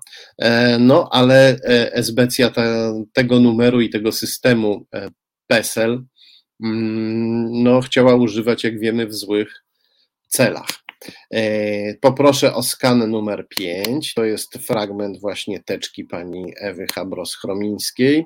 To jest tak charakterystyka służbowa czyli taka ocena, jaką zwierzchnicy i koledzy pani Ewy w SB jej wystawili, to znaczy zwierzchnicy pytali kolegów, zwierzchnicy też sami zastanawiali się, jaką SBczką jest pani Ewa. No i czytamy, że pani Ewa od czerwca 1987 roku kieruje zespołem identyfikacji banku CBD, czyli jeśli dobrze pamiętam, to był Centralny Bank Danych. Organizuje pracę zespołu, sama obsługuje najtrudniejsze przypadki. E, prowadzi analizy błędów i ich przyczyny występowania. Z zadań wywiązuje się bardzo dobrze. Mimo wzrastającej ilości zadań, zespół przez nią kierowany pracuje rytmicznie, wykonując zadania na bieżąco. No, przypominam, że chodzi tutaj o totalną kontrolę nad e, ludnością. Zadania z tym związane wykonywał ten zespół. To jest zespół identyfikacji, więc a identyfikacji służy numer PESEL, więc nasz domysł, że pani Ewa mogła mieć coś wspólnego z, e, ze stworzeniem numerów PESEL się potwierdza.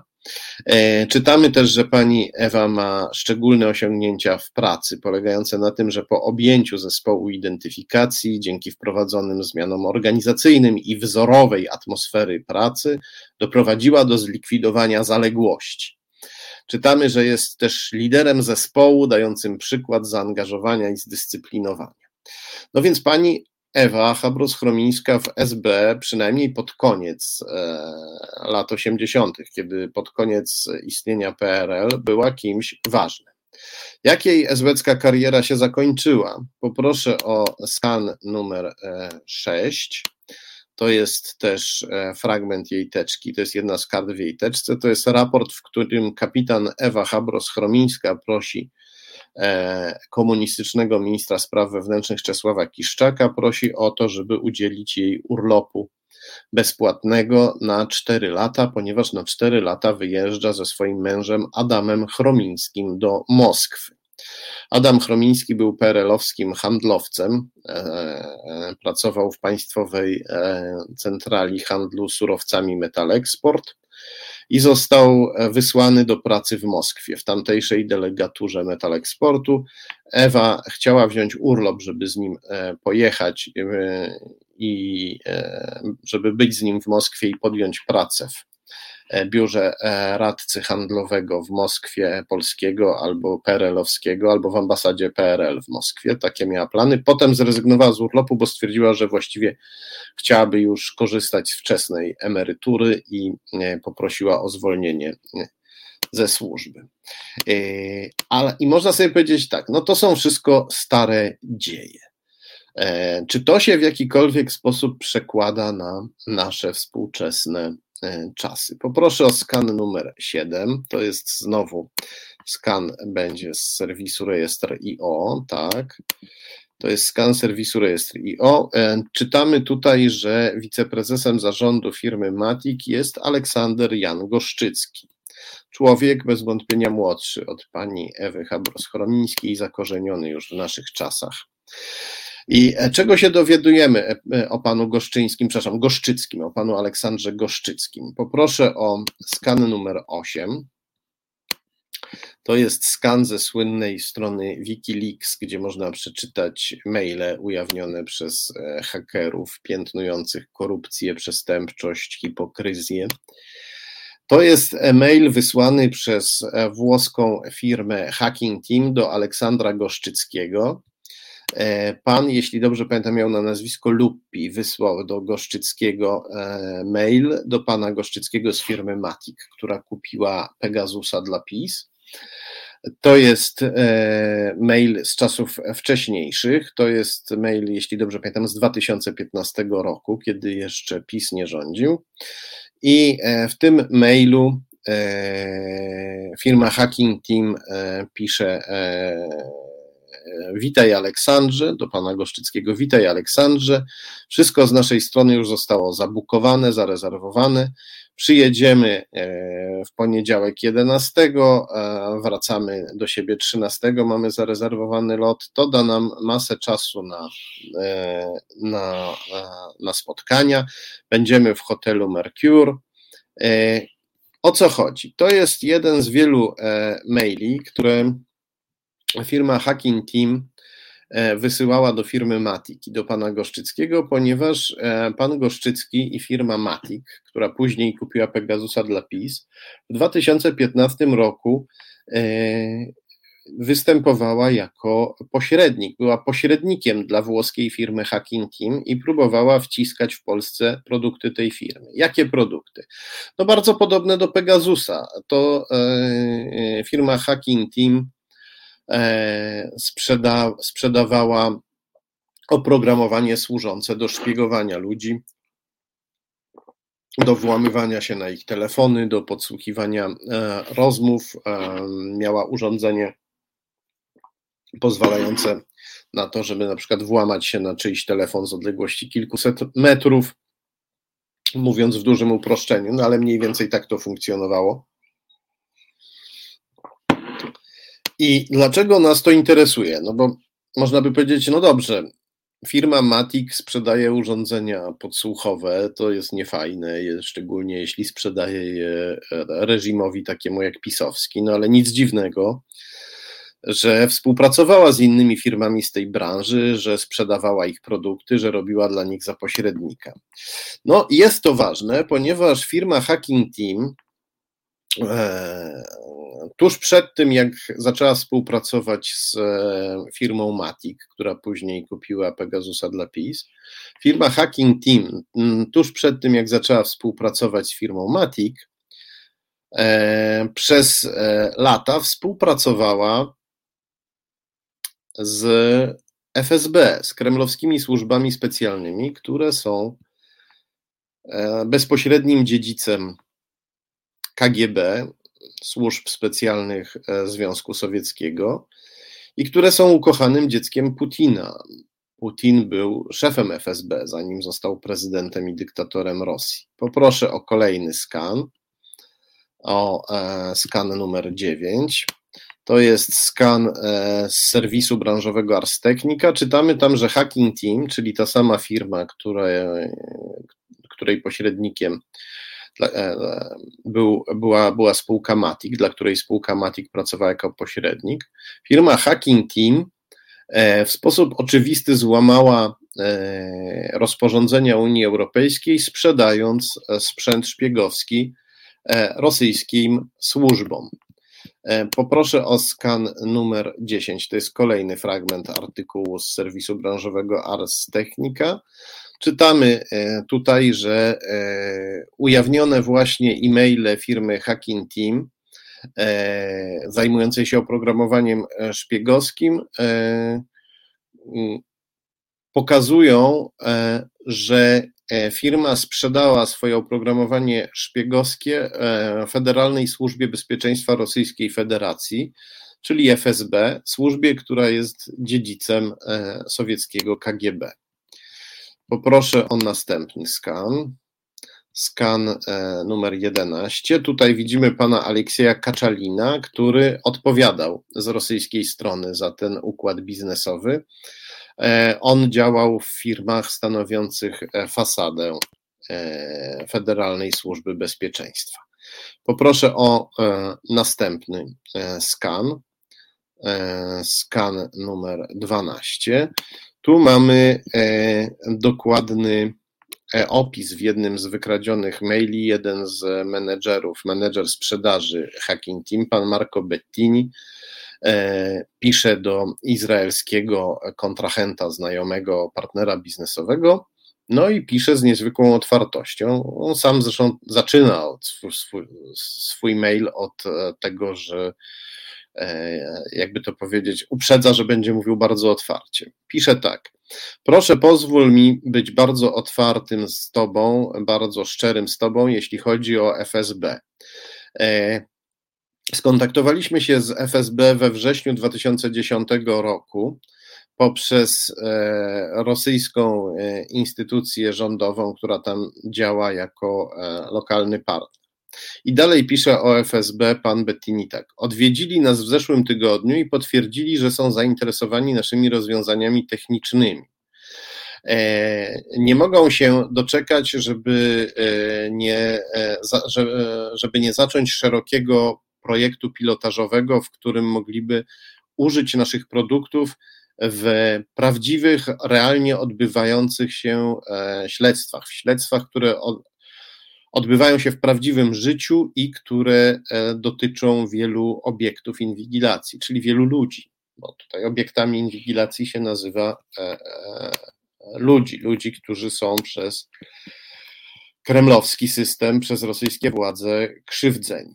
No ale nie tylko o tym, jeśli chodzi o Rosję, pisali sobie panowie z e, firmy Hacking Team. Poproszę o kolejny e-mail, o kolejny skan, skan numer 13. To jest e-mail, jaki szef firmy e, David Vincenzetti wysłał do znajomego. Napisał: E, warunki są znakomite, jeśli w sensie warunki są teraz znakomite, żeby pojechać do Rosji. Możesz teraz e, poczuć siłę Rosji, czy wypróbować siłę Rosji w pełnej mierze. Powiem Ci jedną rzecz. Lata temu byłem w Rosji przez 20 dni. E, rubel kosztował, e, dawano wtedy 40 rubli za dolara, ludzie cierpieli, e, a ja mijałem przepiękne prostytutki, czy też wymijałem przepiękne prostytutki, które zbliżały się do mnie pod hotelem. Kiedy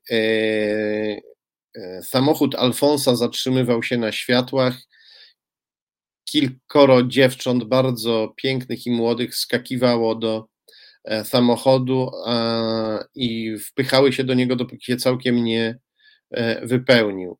E, trzy lub cztery dziewczyny, każda kosztowała po 10 rubli. Teraz te rzeczy powinny tam obowiązywać do czwartej potęgi. Więc e, no, również takie uciechy czerpali panowie z firmy Hacking Team ze swoich podróży do Rosji. To istotne, ponieważ Rosjanie bardzo lubią, kiedy ktoś e, u nich, e, kiedy na przykład kontrahent, partner z zagranicy zadaje się u nich z prostytutkami, filmują to oczywiście, w ten sposób mają dodatkowe narzędzie do kontrolowania partnera. Przypominam, że mówimy o firmie Hacking Team, która E, której partnerem biznesowym była firma Matic, ta sama, która kupiła e, system szpiegowski Pegasus dla PiS. W latach 2010-2014 e, Hacking Team robił biznesy z FSB, sprzedał im w końcu swój produkt, a w następnym roku już współpracował z firmą Hacking Team i bylibyśmy bardzo naiwni, gdybyśmy wierzyli, że E, e, więzi i więzy łączące e, Hacking Team z FSB magicznie zniknęły w 2014 roku i kiedy ta firma zadawała się ze z firmą Matic, z naszą polską firmą Matic, to tych związków z FSB już nie było. No, FSB ma to do siebie, że jak ktoś wchodzi z nimi w związek, to w tym związku jest, a jeśli wychodzi, to zazwyczaj wychodzi z tego związku martwy. E, rzadko komu udaje się wyplątać bez e, jakichś szkód dla siebie i przeważnie są to szkody e, duże. Dodajmy do tego jeszcze, poproszę o kolejny skan, skan numer 14, że nasi bohaterowie ze spółki Matic zasiadają również we władzach Stowarzyszenia Polsko-Chińskiego Promocji i Współpracy Gospodarczej i Kulturalnej Lan Yang, taka długa nazwa. E, przewodniczącym stowarzyszenia jest Witold Laskowski, człowiek, e, członek Rady Nadzorczej spółki Matic, która kupiła Pegasusa dla PiS. Wiceprzewodniczącym jest Chińczyk Fen Jun Chang, a skarbnikiem jest Adam Chromiński, mąż e, Ewy Habros-Chromińskiej, naszej e, SBczki. Ten sam Adam Chromiński, który w 1989 roku pojechał e, na 4 lata do Moskwy robić biznesy z Rosjanami. Kim jest Chińczyk Feng Junchang, który mm, jedyny Chińczyk w tym stowarzyszeniu polsko-chińskim współpracy? Poproszę o kolejny skan. E, pan Fen Chang jest też członkiem Stowarzyszenia Chińskiej Medycyny Tradycyjnej. Ten sam pan Fen Chang w Polsce prowadzi klinikę. Tutaj właśnie widzimy zdjęcie tej kliniki i krótki tekst na jej temat. E, każe się nazywać mistrzem Chang. Klinika się nazywa Klinika Mistrza Chang. Czytamy, że jest inicjatywą całkowicie realizowaną przez pana Feng Chang, który jest uznanym mistrzem, zaczął się szkolić w medycynie tradycyjnej i innych chińskich arkanach tajemnych już w wieku lat ośmiu. I e, no cóż, jakby nie mamy nic e, przeciwko temu, że ktoś szerzy chińską kulturę, która jest bardzo stara i niezwykle ciekawa, ale problem polega na tym, i tu poproszę o skan numer 16, e, że pan Feng, Jun, Feng Junchang w swojej działalności jest wspierany przez ambasadę chińskiego reżimu. To jest skan z Facebooka. E, widzimy, że na Facebooku e, ambasada e, chińskiego reżimu reklamowała warsztaty prowadzone przez mistrza Chang, czyli pana Feng Jun Chang, a nawet powiedziała, że obejmuje nad nimi patronat. E, pan Fen Chang teoretycznie, jak rozumiemy, ma tutaj e, uczyć nas chińskich, e, chińskiej medycyny, chińskich, ma nam chińską, chińską mądrość, chińską wiedzę dotyczącą zdrowia przekazywać i ambasada ma nadzieję, że my się będziemy tutaj poddamy się tej wymianie kulturalnej między Polską i Chinami, tej promocji zdrowia i zdrowego trybu życia. Przypomnijmy, że reżim chiński to jest reżim, który naraził swój własny naród i cały świat na pandemię, ponieważ ukrywał, e, że w Chinach szerzy się koronawirus. Zatem e, ja raczej bym podziękował ambasadzie chińskiego reżimu i nie chciałbym, żeby ona nas tutaj uczyła zdrowego trybu życia i też podziękowałbym panu Feng Chang. A e, co do spraw poważniejszych, to e, e, te związki z Chinami budzą niepokój, nie tylko dlatego, że Chiny to w tej chwili najbliższy sojusznik Rosji, ale także dlatego, że system Pegasus, który e, firma Matic kupiła dla PiS. Firma Matic, której przedstawiciele również działają z panem Feng Chan, Chanem, e, wspieranym przez chińską ambasadę. Ta firma, Pegasus, który kupiła nam, e, który nam, który kupiła PiSowi firma Matic, został prześwietlony przez ekspertów i co odkryli? Poproszę tutaj o kolejny skan, skan numer 17. Eksperci odkryli, że e, w Pegasusie są, e, w kodzie Pegasusa są komentarze w języku chińskim i system Pegasus łączy się z serwerami e, wielkiej technologicznej firmy Tencent, firmy chińskiej. Firmy, która była też związana z informatykami robiącymi kampanię Andrzejowi Dudzie w 2015 roku. To były te słynne e, fałszywe konta, które pojawiały się w mediach społecznościowych, wyśmiewały Komorowskiego i zachwalały Dudę. Więc firma Tencent interesuje się Polską. Firma Tencent ma bardzo wiele wspólnego z Pegasusem, jak widać. No i e, tak się składa, że e, szefowie e, spółki Matic, którzy, e, która kupiła Pegasusa dla PiS, też współdziałają z Chinami i z pewnym Chińczykiem wspieranym przez chińską ambasadę. To jest, do, to jest trochę szokujące, że takie, że te powiązania są tak jawne, że można je bez trudu wyłapać w internecie, w Krajowym Rejestrze Sądowym. To pokazuje, jak bezczelne są, jak bezpiecznie niestety czują się e, wschodnie agresywne mocarstwa, jeśli chodzi o infiltrację Polski. Robią co chcą i właściwie się z tym nie e, kryją. Kolejny i ostatni już temat naszego dzisiejszego wieczoru e, to e, była ministra finansów, znana powszechnie jako Teresa Czerwińska. Poproszę o skan numer 18. Dlaczego o niej mówimy? Otóż też w związku z Pegasusem. E, to jest fragment artykułu portalu Interia. Czytamy w nim, że były szef NIK Krzysztof Kwiatkowski oświadczył, że e, e, zgodę na to, żeby kupić Pegasusa z, z ramienia Ministerstwa Finansów wydała ministra, a wtedy jeszcze wiceministra finansów Teresa Czerwińska. E, powiedział, Kwiatkowski powiedział, że próbowano doprowadzić do tego, żeby decyzja o zakupie Pegasusa miała autoryzację Ministerstwa Finansów. W tym celu wystąpiono o zmianę planu finansowego dla MSW, mm, jak rozumiem, dla Ministerstwa Spraw Wewnętrznych i dla CBA. A decyzję w tej sprawie, zezwalającą na taką zmianę planu finansowego, podpisała wiceministra Teresa Czerwińska.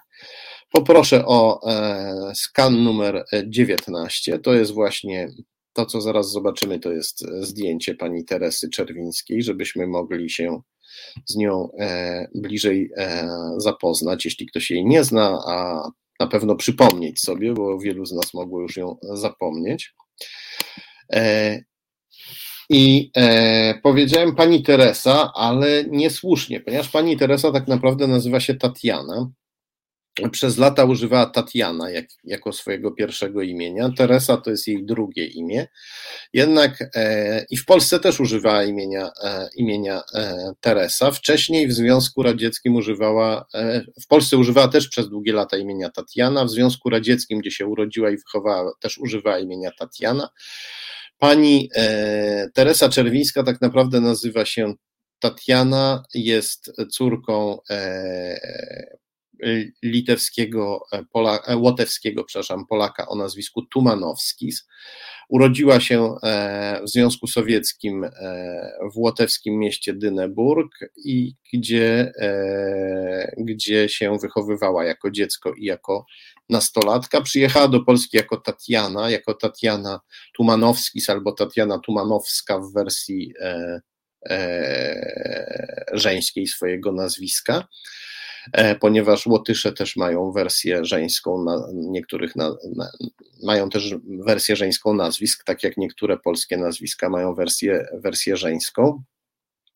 Przyjechała do Polski i posługiwała się imieniem Tatiana. Natomiast w momencie, w którym zaczęła robić karierę e, polityczną, już była Teresą, była Teresą e, Czerwińską. E, była Teresą Czerwińską i ludzie, którzy z nią współpracowali przez lata, nie wiedzieli, że e, o jej e, miejscu urodzenia i wychowania, nie wiedzieli o jej, o jej pochodzeniu. Jak ona się naprawdę nazywa, to ustalił dziennikarz, współpracownik polityki Jan Rojewski, który pojechał na Łotwę i któremu tutaj serdecznie dziękuję za dobrą robotę. Rozmawiał też z jej ojcem. Okazało się, że ojciec pani e, Tatiany Wel Teresy jest rosyjskojęzyczny, choć mówi też po polsku, ale posługuje się na co dzień językiem rosyjskim. E, e, robił jakieś biznesy tuż obok rosyjskiego konsulatu w Dyneburgu. I kiedy ja zacząłem tę sprawę zgłębiać, to okazało się, że środowisko przyjaciół pani Tatiany Teresy w Dyneburgu, aczkolwiek jest to środowisko pochodzenia polskiego, to jest to środowisko e, prorosyjskie. To jest środowisko, które wspiera na przykład rosyjskojęzyczność na Łotwie i e, walczy z próbami szerszego wprowadzenia języka łotewskiego jako obowiązującego na, na Łotwie. Poproszę o kolejny skan, to będzie skan numer 20. Tak jak mówiłem, jeśli chodzi o nazwisko pani e, Teresy, Tatiany Teresy, nie byłem pierwszy i nie byłem też pierwszy, jeśli chodzi o niepokój związany z tym, że e, pani Tatiana e, lub e, Teresa e, weszła do Ministerstwa Finansów. E, dziennikarka wirtualnej Polski Magda Mieśnik w 2018 roku napisała taki artykuł. Kandydatka PiS na ministra finansów urodziła się w ZSRR, nieznana przeszłość e, Teresy Czerwińskiej. Teresa Czerwińska w najbliższych dniach może zostać ministrem finansów. Mało znany jest jednak fakt, że ekspertka od budżetu urodziła się w ZSRR. Służby popełniły błąd, taka osoba nie powinna być nawet wiceministrem mówi wirtualnej Polsce polityk, który zasiada w Sejmowej Komisji do Spraw Służb Specjalnych. I poproszę o e, kolejny e, skan, skan numer 21. To jest dalszy ciąg tego artykułu, artykułu Magdy Mieśnik. Z nieoficjalnych informacji wynika, że Czerwińska mogła mieć problem z uzyskaniem dostępu do informacji niejawnych. E, Rzecznik Ministerstwa Finansów dementuje jednak te doniesienia, na pewno nie było odmowy dostępu do takich danych. Nie wiadomo jednak, to jest kluczowy fragment artykułu, czy wiceminister, w sensie wiceministra, Tatiana Czerwińska, w ogóle występowała o taki dostęp. Ministerstwo ma przekazać te informacje w poniedziałek. E, nie powinno się dyskryminować nikogo z powodu pochodzenia, ale w tym wypadku służby popełniły błąd. Taka osoba nie powinna być nawet e, wiceministrem. Znam sprawę pochodzenia pani Czerwińskiej i jestem zaskoczony, że jest brana pod uwagę jako konstytucyjny minister, mówi polityk z Sejmowej Komisji do Spraw Służb Specjalnych. E, tym bardziej, że z mojej wiedzy wynika, iż jej ojciec nadal prowadzi interesy biznesowe na wschodzie i tam e, mieszka. E, Magda Mieśnik została za ten artykuł zhejtowana. Tygodnik Solidarność nazwał ją, powiedział, że ona napisał, że ona uprawia wirtualne parówkarstwo czy coś takiego. To chyba było nawiązanie do tych słynnych parówek z komisji, e, czy tam z zespołu Antoniego Macierewicza badającego e, badającego katastrofę w Smoleńsku. Można tutaj zobaczyć, e, też dobrze to pokazuje przewrotność tych pisowskich działań. Mam tu na myśli tych, którzy jak Macierewicz najpierw e, wrzeszczą głośno o rosyjskich e, szpiegach i dopatrują się rosyjskiego szpiega pod każdym źdźbłem trawy. Przez to jakby to powiedzieć, prewencyjnie, profilaktycznie, na przyszłość już ośmieszają każdego, kto w przyszłości się takim tematem spróbuje zajmować. Kiedy ktoś próbuje robić coś takiego, od razu e, można na niego zacząć krzyczeć, że jest taki jak e, Macierewicz i to właśnie spotkało e, redaktorkę Mieśnik. I było to tym bardziej perfidne zastosowanie tego chwytu wobec jej osoby, ponieważ zrobił to pisowski czy też propisowski tygodnik Solidarność, który powinien raczej E, no, który nie spodziewalibyśmy się, że użyje takiego określenia, że powie tutaj, że ktoś stosuje parówkarstwo. E, no niestety, tak, e, tak, to, tak to u nas wygląda. Magda Mieśnik próbowała zwrócić uwagę nie na to, że pani Teresa pochodzi ze wschodu, tylko na to, że E, ukrywa, e, ukrywała przez pewien czas ten fakt i swoje nazwisko i to, i, i to, że jej ojciec jest biznesowo e, związany ze wschodem. Ale od razu zacznie, zaczęto ją atakować tak, jakby zaczęto atakować dziennikarkę tak, jakby atakowała kogoś za pochodzenie, co było co było nieprawdą. Przejdźmy do meritum. Ja wysłałem pytania do Ministerstwa Finansów gdy pisałem książkę Macierewicz i jego tajemnice. E, wysłałem pytania do Ministerstwa Finansów. Poproszę o kolejny skan, skan numer 22. Wysłałem tych pytań bardzo wiele, ale tutaj pokazuję tylko trzy te kluczowe.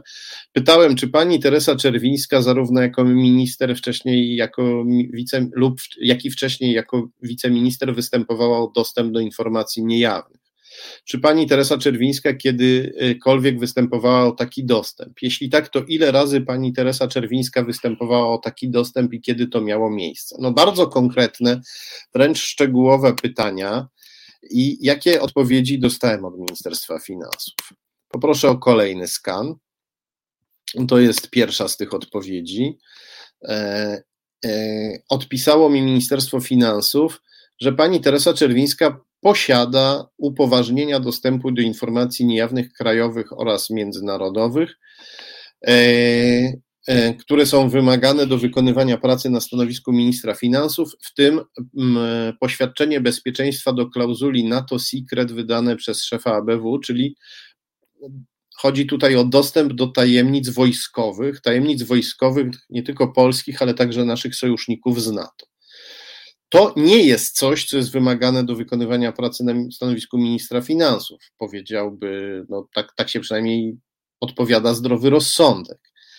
E, to jest niepokojące, że pani Tatiana, która w Polsce stała się Teresą, e, uzyskała taki dostęp e, do, do tajemnic NATO, chociaż jest nie tylko osobą która przybyła ze wschodu, ale też osobą, która ma biznesowe powiązania z postsowieckim wschodem za pośrednictwem swojej, za pośrednictwem swojej rodziny, swojego ojca.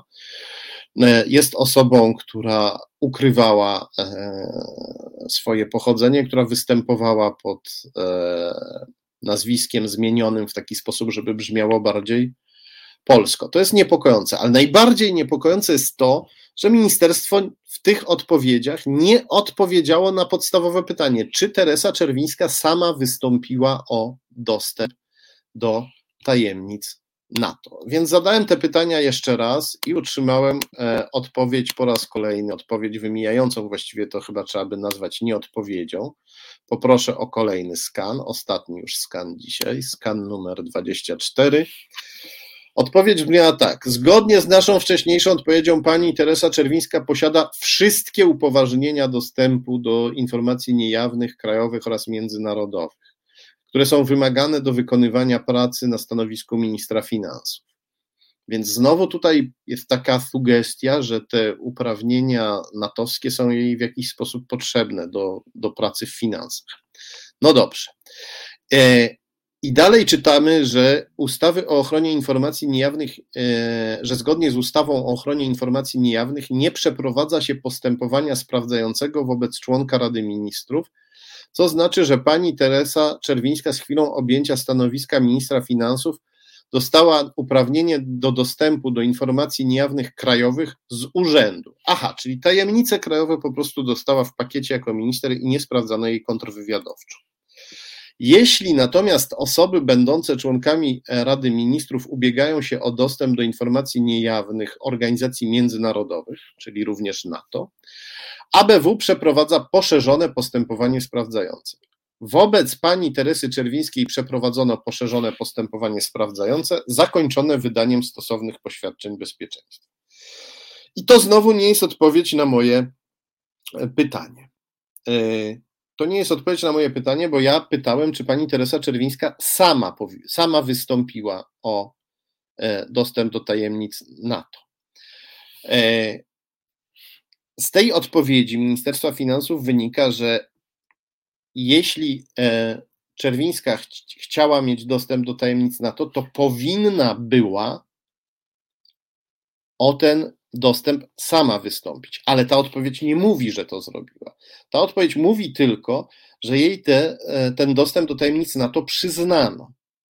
Ale nie mówi, i mówi, że powinna była wystąpić, że skoro dostała ten dostęp do tajemnic NATO, to powinna była sama o niego wystąpić, ale ta odpowiedź nie mówi, że to zrobiła.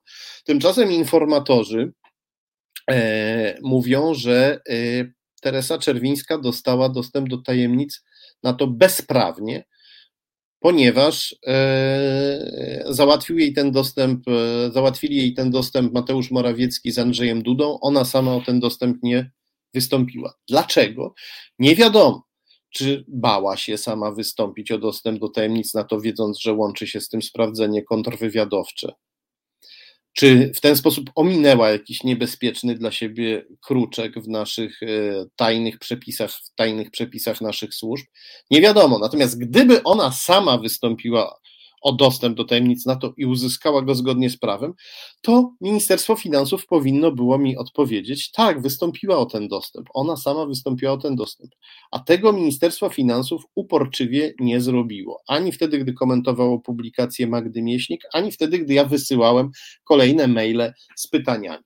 E, I to jest, e, to jest, bardzo, e, to jest bardzo niepokojące. E, podobnie jak informacja, e, którą podają e, informatorzy, o czym, jeśli dobrze pamiętam, pisała też Magda Mieśnik, że informacja, która mówi, że sprawdzenie Tatiany Tumanowski, czyli Teresy Czerwińskiej, sprawdzenie kontrwywiadowcze trwało kilka razy krócej niż zazwyczaj. Wygląda to tak, jakby ktoś bardzo się starał, żeby ją za wszelką, żeby ona za wszelką cenę uzyskała dostęp do tajemnic NATO. I jakby ktoś bardzo się starał, żeby ona sama o ten dostęp nie, e, nie musiała wystąpić z jakichś e, przyczyn. To ogromnie niepokojące, nie dlatego, że mamy do czynienia z osobą, która yy, urodziła się w Związku Sowieckim, ale ma, dlatego, że mamy do czynienia z osobą, która urodziła się w Związku Sowieckim i wychowywała się tam, ukrywała to, e, zmieniła, zniekształciła swoje nazwisko, w sposób taki dość, można powiedzieć, nawet drastyczny, bo pozbawiła się, zapomniała o swoim pańskim nazwisku, no ale to normalne, wiele osób używa po prostu nazwiska po mężu i nie używa już tego pańskiego, ale zapomniała też, czy też ukryła swoje pierwsze imię. Teraz przyznaje się do tego imienia Tatiana, ale podaje, że to jest jej drugie imię, przez jakiś czas w ogóle się do niego nie przyznawała. I e, działała w Polsce jako Tatiana, a gdy zaczęła, zajęła się polityką, nagle była już Teresą. To jest niepokojące. No i niepokojące jest to, że wywodzi się ze środowisk e, rosyjskojęzycznych, ze środowisk wspierających rosyjskojęzyczność na Litwie, wywodzi się z rodziny uprawiającej na wschodzie biznes. To wszystko razem, e, e, włącznie też z informacją, że autoryzowała zakup Pegasusa i włącznie z informacją, że uzyskała bezprawnie dostęp do, prawo dostępu do tajemnic NATO. Wszystko to powinno nas postawić na baczność, to znaczy to wszystko powinno być dla nas dzwonkiem alarmowym, nie tylko dzisiaj, ale także wtedy, gdy pisała o tym Magda Mieśnik. Niestety Magda Mieśnik spotkała się z e, hejtem, z czymś w rodzaju nagonki nawet, e, po tym, gdy zwróciła naszą uwagę na podstawowy fakt, który powinniśmy znać, który jest bardzo ważny. O takich faktach mówimy E, w resecie obywatelskim bez cenzury. Dlatego raz jeszcze gorąco dziękuję wszystkim Wam, którzy nas wspieracie internetowo, udostępniając link do tej transmisji, jak również materialnie, wpłacając na e, nasze e, konto, na konto Fundacji Arbitror, albo wspierając nas na portalu zrzutka.pl albo też w serwisie Patronite. Ja już się z Państwem żegnam, za chwilę prawoteka, ale poproszę na koniec jeszcze naszą dzielną realizatorkę Asiator, żeby pokazała nam adres internetowy artykułu, który Klementyna Suchanow dziś opublikowała na portalu Reset Obywatelski. Artykułu, który dokładnie dokumentuje e, kremlowskie powiązania antykobiecej i antygejowskiej organizacji Ordo Juris. Mam nadzieję, że zaraz, o tak, ten link już się pojawił. Gorąco zachęcam do tego, żeby e, szerować, udostępniać ten artykuł, a przede wszystkim, żeby go czytać. Jest długi, ale warto. Żegnam się już z Państwem, widzimy się znowu za tydzień. Do zobaczenia i bardzo Wam wszystkim dziękuję, że jesteście.